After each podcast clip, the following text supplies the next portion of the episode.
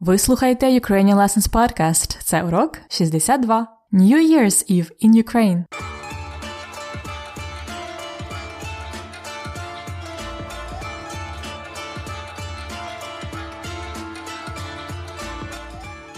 Привіт! Це Анна, ваша вчителька української, і це подкаст Уроки української. На цих уроках ви можете слухати українські розмови, а також вивчати нові слова та граматику зі мною. На минулому уроці ми почали нову тему орудний відмінок. Це вже п'ятий відмінок, який ми вивчаємо у другому сезоні подкасту. Сьогодні ви дізнаєтеся про нього більше. Також ви дізнаєтеся про те, як українці святкують Новий рік. Сподіваюсь, вам буде цікаво.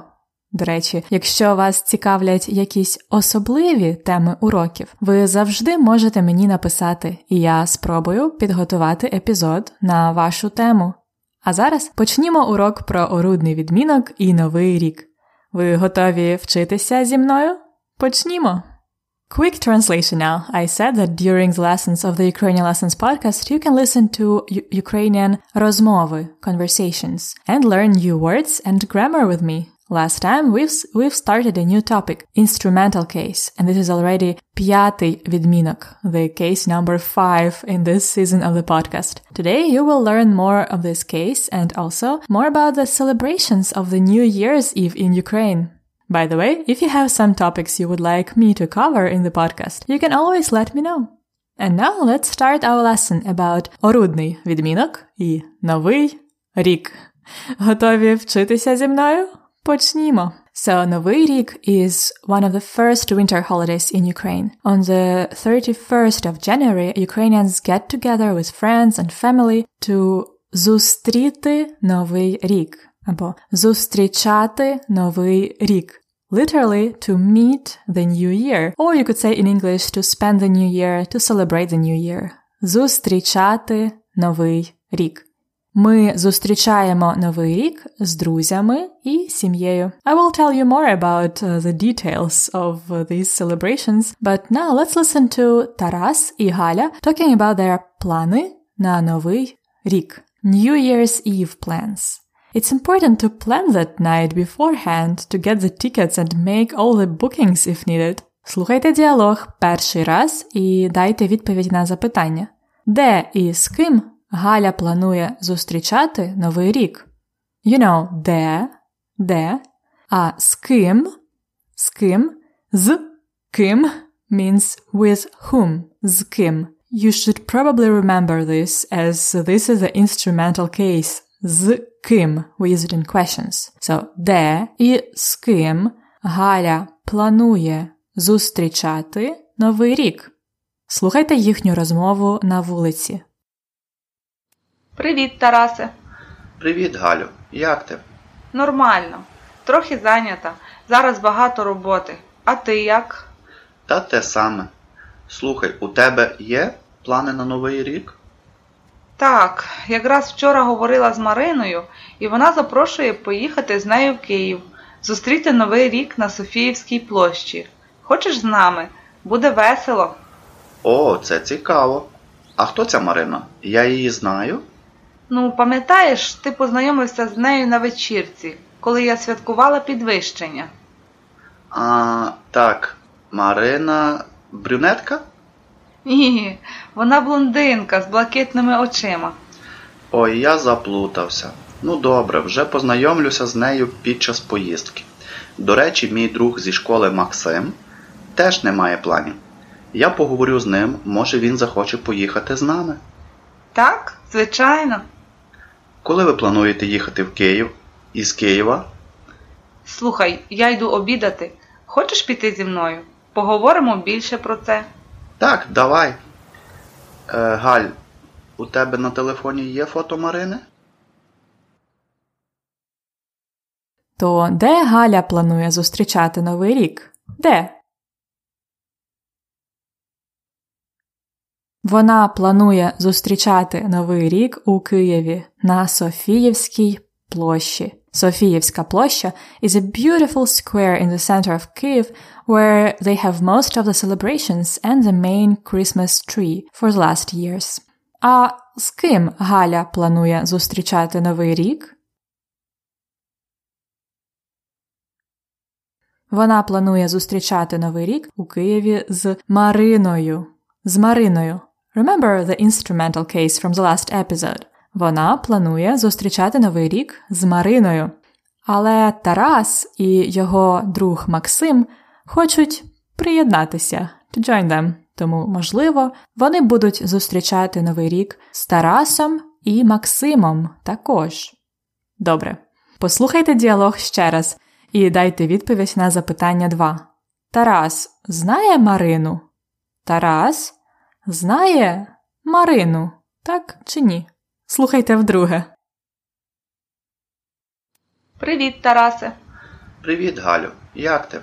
Нормально. Трохи зайнята. Зараз багато роботи. А ти як? Та те саме. Слухай, у тебе є плани на новий рік? Так, якраз вчора говорила з Мариною, і вона запрошує поїхати з нею в Київ, зустріти Новий рік на Софіївській площі. Хочеш з нами? Буде весело. О, це цікаво. А хто ця Марина? Я її знаю? Ну, пам'ятаєш, ти познайомився з нею на вечірці, коли я святкувала підвищення. А, так, Марина брюнетка? Ні, вона блондинка з блакитними очима. Ой, я заплутався. Ну добре, вже познайомлюся з нею під час поїздки. До речі, мій друг зі школи Максим теж не має планів. Я поговорю з ним, може він захоче поїхати з нами. Так, звичайно. Коли ви плануєте їхати в Київ із Києва? Слухай, я йду обідати. Хочеш піти зі мною? Поговоримо більше про це. Так, давай. Е, Галь, у тебе на телефоні є фото Марини? То Тарас знає Марину? What would you say for he knows Marina, but he doesn't remember her?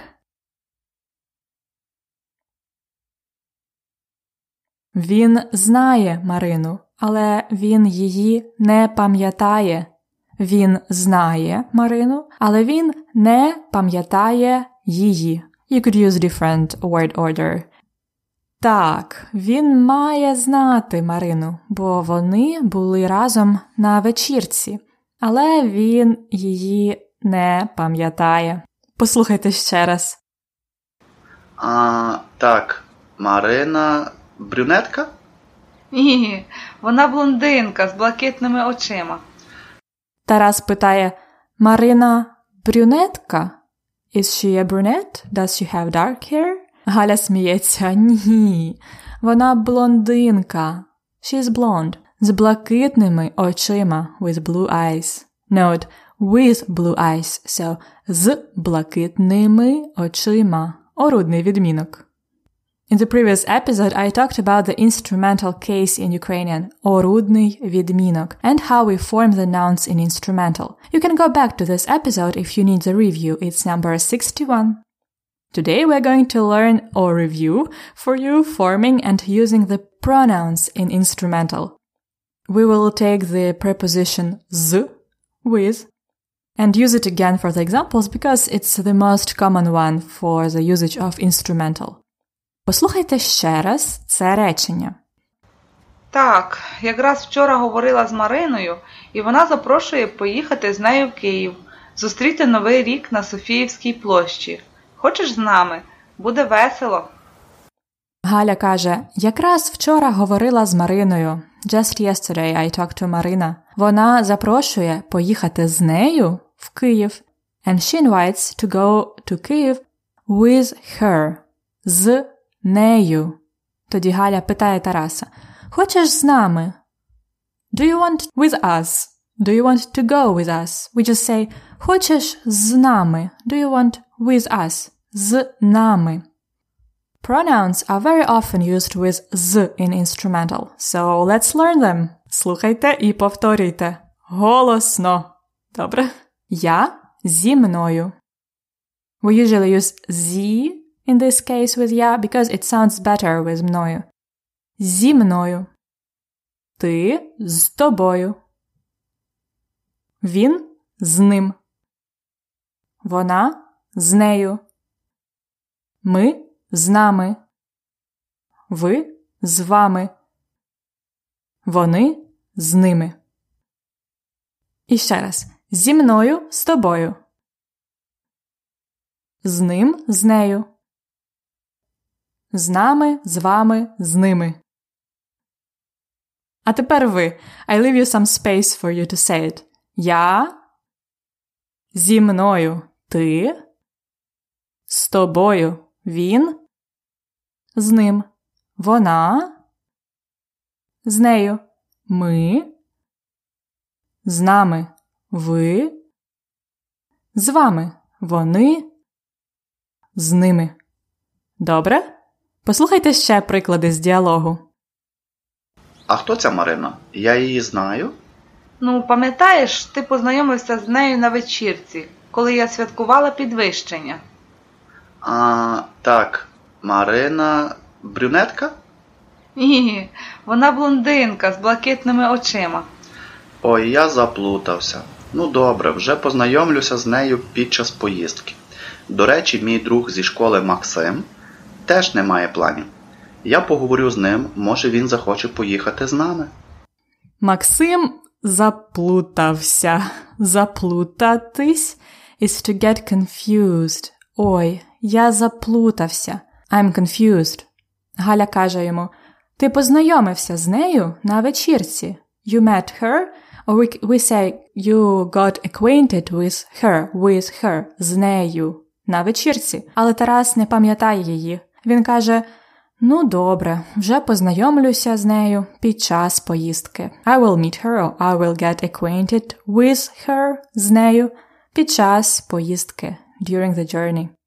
Також він каже про свого друга Максима. Він теж не має планів на новий рік. Тарас каже: Я поговорю з ним. Може, він захоче поїхати з нами. Я поговорю з ним, з Максимом. Може, він захоче поїхати з нами. З нами, ми. Тепер чуєте орудний відмінок? Most of the pronouns in the instrumental start with n. З нами, з нею, з ним, but not all of them, of course. In the previous lesson, I also mentioned that z can be used with different cases, not only instrumental, so be careful with that. Try to catch two phrases with z in this part of the conversation. Коли ви плануєте їхати в Київ із Києва? Слухай, я йду обідати. Хочеш піти зі мною? Поговоримо більше про це. Коли ви плануєте їхати в Київ із Києва? When do you plan to go to Kyiv and from з Києва? Слухай, я йду обідати. Хочеш піти зі мною? Listen, I go to have lunch. Do you want to go with me? Зі мною? In the first case, we use a genitive case. In the second case, we use the instrumental case. we use the instrumental everywhere z means with, but unfortunately for z, there are many other meanings, like z from a place, z Києва. Z from or since some time, like з дитинства, since or from childhood, зранку до вечора, from morning till evening. Z can mean out of, made of. Like last time, remember we talked about узвар. Узвар – це компот із сухофруктів. Узвар is juice from, out of, made of uh, сухофрукти, dry fruits. Also, z can mean in or on we're, when we're talking about the subject. It's used with a genitive case again. Чемпіон з футболу. Football champion. Тест з української мови. A test in Ukrainian or Ukrainian test. Добре. I will include a table with those different uses of z in the lesson notes of this episode. А зараз вже пора слухати діалог ще раз. Готові? Привіт, Тарасе. Привіт, Галю. Як ти? Нормально. Трохи зайнята. Зараз багато роботи. А ти як? Та те саме. Слухай, у тебе є плани на новий рік? Так, якраз вчора говорила з Мариною, і вона запрошує поїхати з нею в Київ, зустріти Новий рік на Софіївській площі. Хочеш з нами? Буде весело. О, це цікаво. А хто ця Марина? Я її знаю. Ну, пам'ятаєш, ти познайомився з нею на вечірці, коли я святкувала підвищення. А, так, Марина брюнетка? Ні, вона блондинка з блакитними очима. Ой, я заплутався. Ну добре, вже познайомлюся з нею під час поїздки. До речі, мій друг зі школи Максим теж не має планів. Я поговорю з ним, може він захоче поїхати з нами. Так, звичайно. Коли ви плануєте їхати в Київ із Києва? Слухай, я йду обідати. Хочеш піти зі мною? Поговоримо більше про це. Так, давай. Е, Галь, у тебе на телефоні є фото Марини?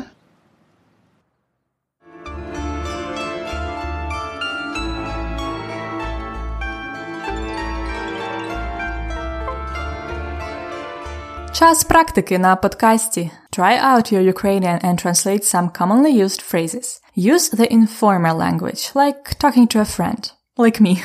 So, translate. Do you want to go to the movies with me?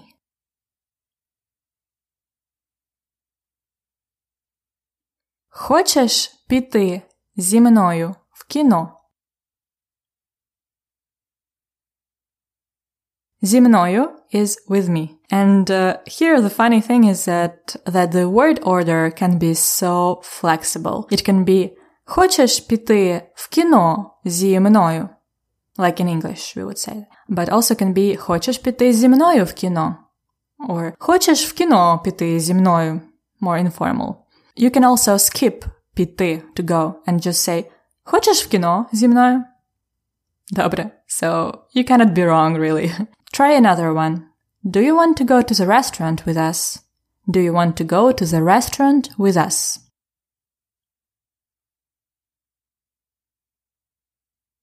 Хочеш піти з нами в ресторан? Або Хочеш піти в ресторан з нами? And so on. Another one.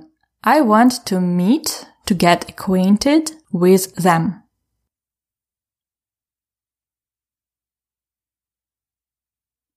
Я хочу познайомитися з ними. Або Я хочу з ними познайомитися. And now try to use this one formally, like you don't know a person. Can I dance with you? Remember, can I we translate as можна. Можна з вами потанцювати? Можна з вами потанцювати? That's a useful one for the New Year's party. Добре, as always, find more practice in the PDF lesson notes of this episode.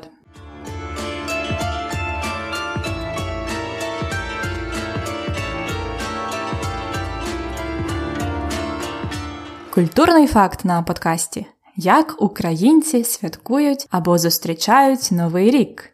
Звичайно, we all love the New Year's Eve because it means the day off, the vacations for the students, and the beginning of the whole winter festive season. The streets are decorated with different things and lights. There are yalinki, Christmas trees, in the middle of the central squares of each town and village. Usually the New Year's Eve is celebrated among friends and family. People have small or big parties in their places. Or they also rent out the whole house or apartment for the big companies. Some people like to go to Карпати or someplace else for traveling. Карпати дуже гарні взимку і можна кататися на лижах. Once I celebrated the New Year in the Carpathians. It was чудово, great.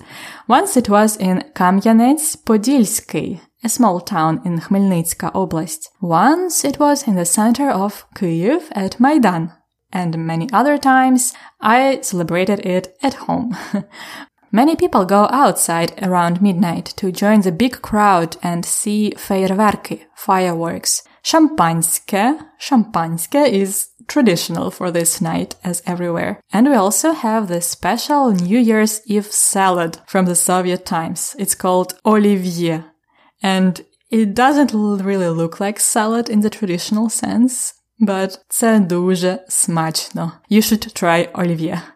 Anyway, there are many other New Year's Eve traditions. You should come to Ukraine in the late December to experience them all. Ласкаво просимо до України!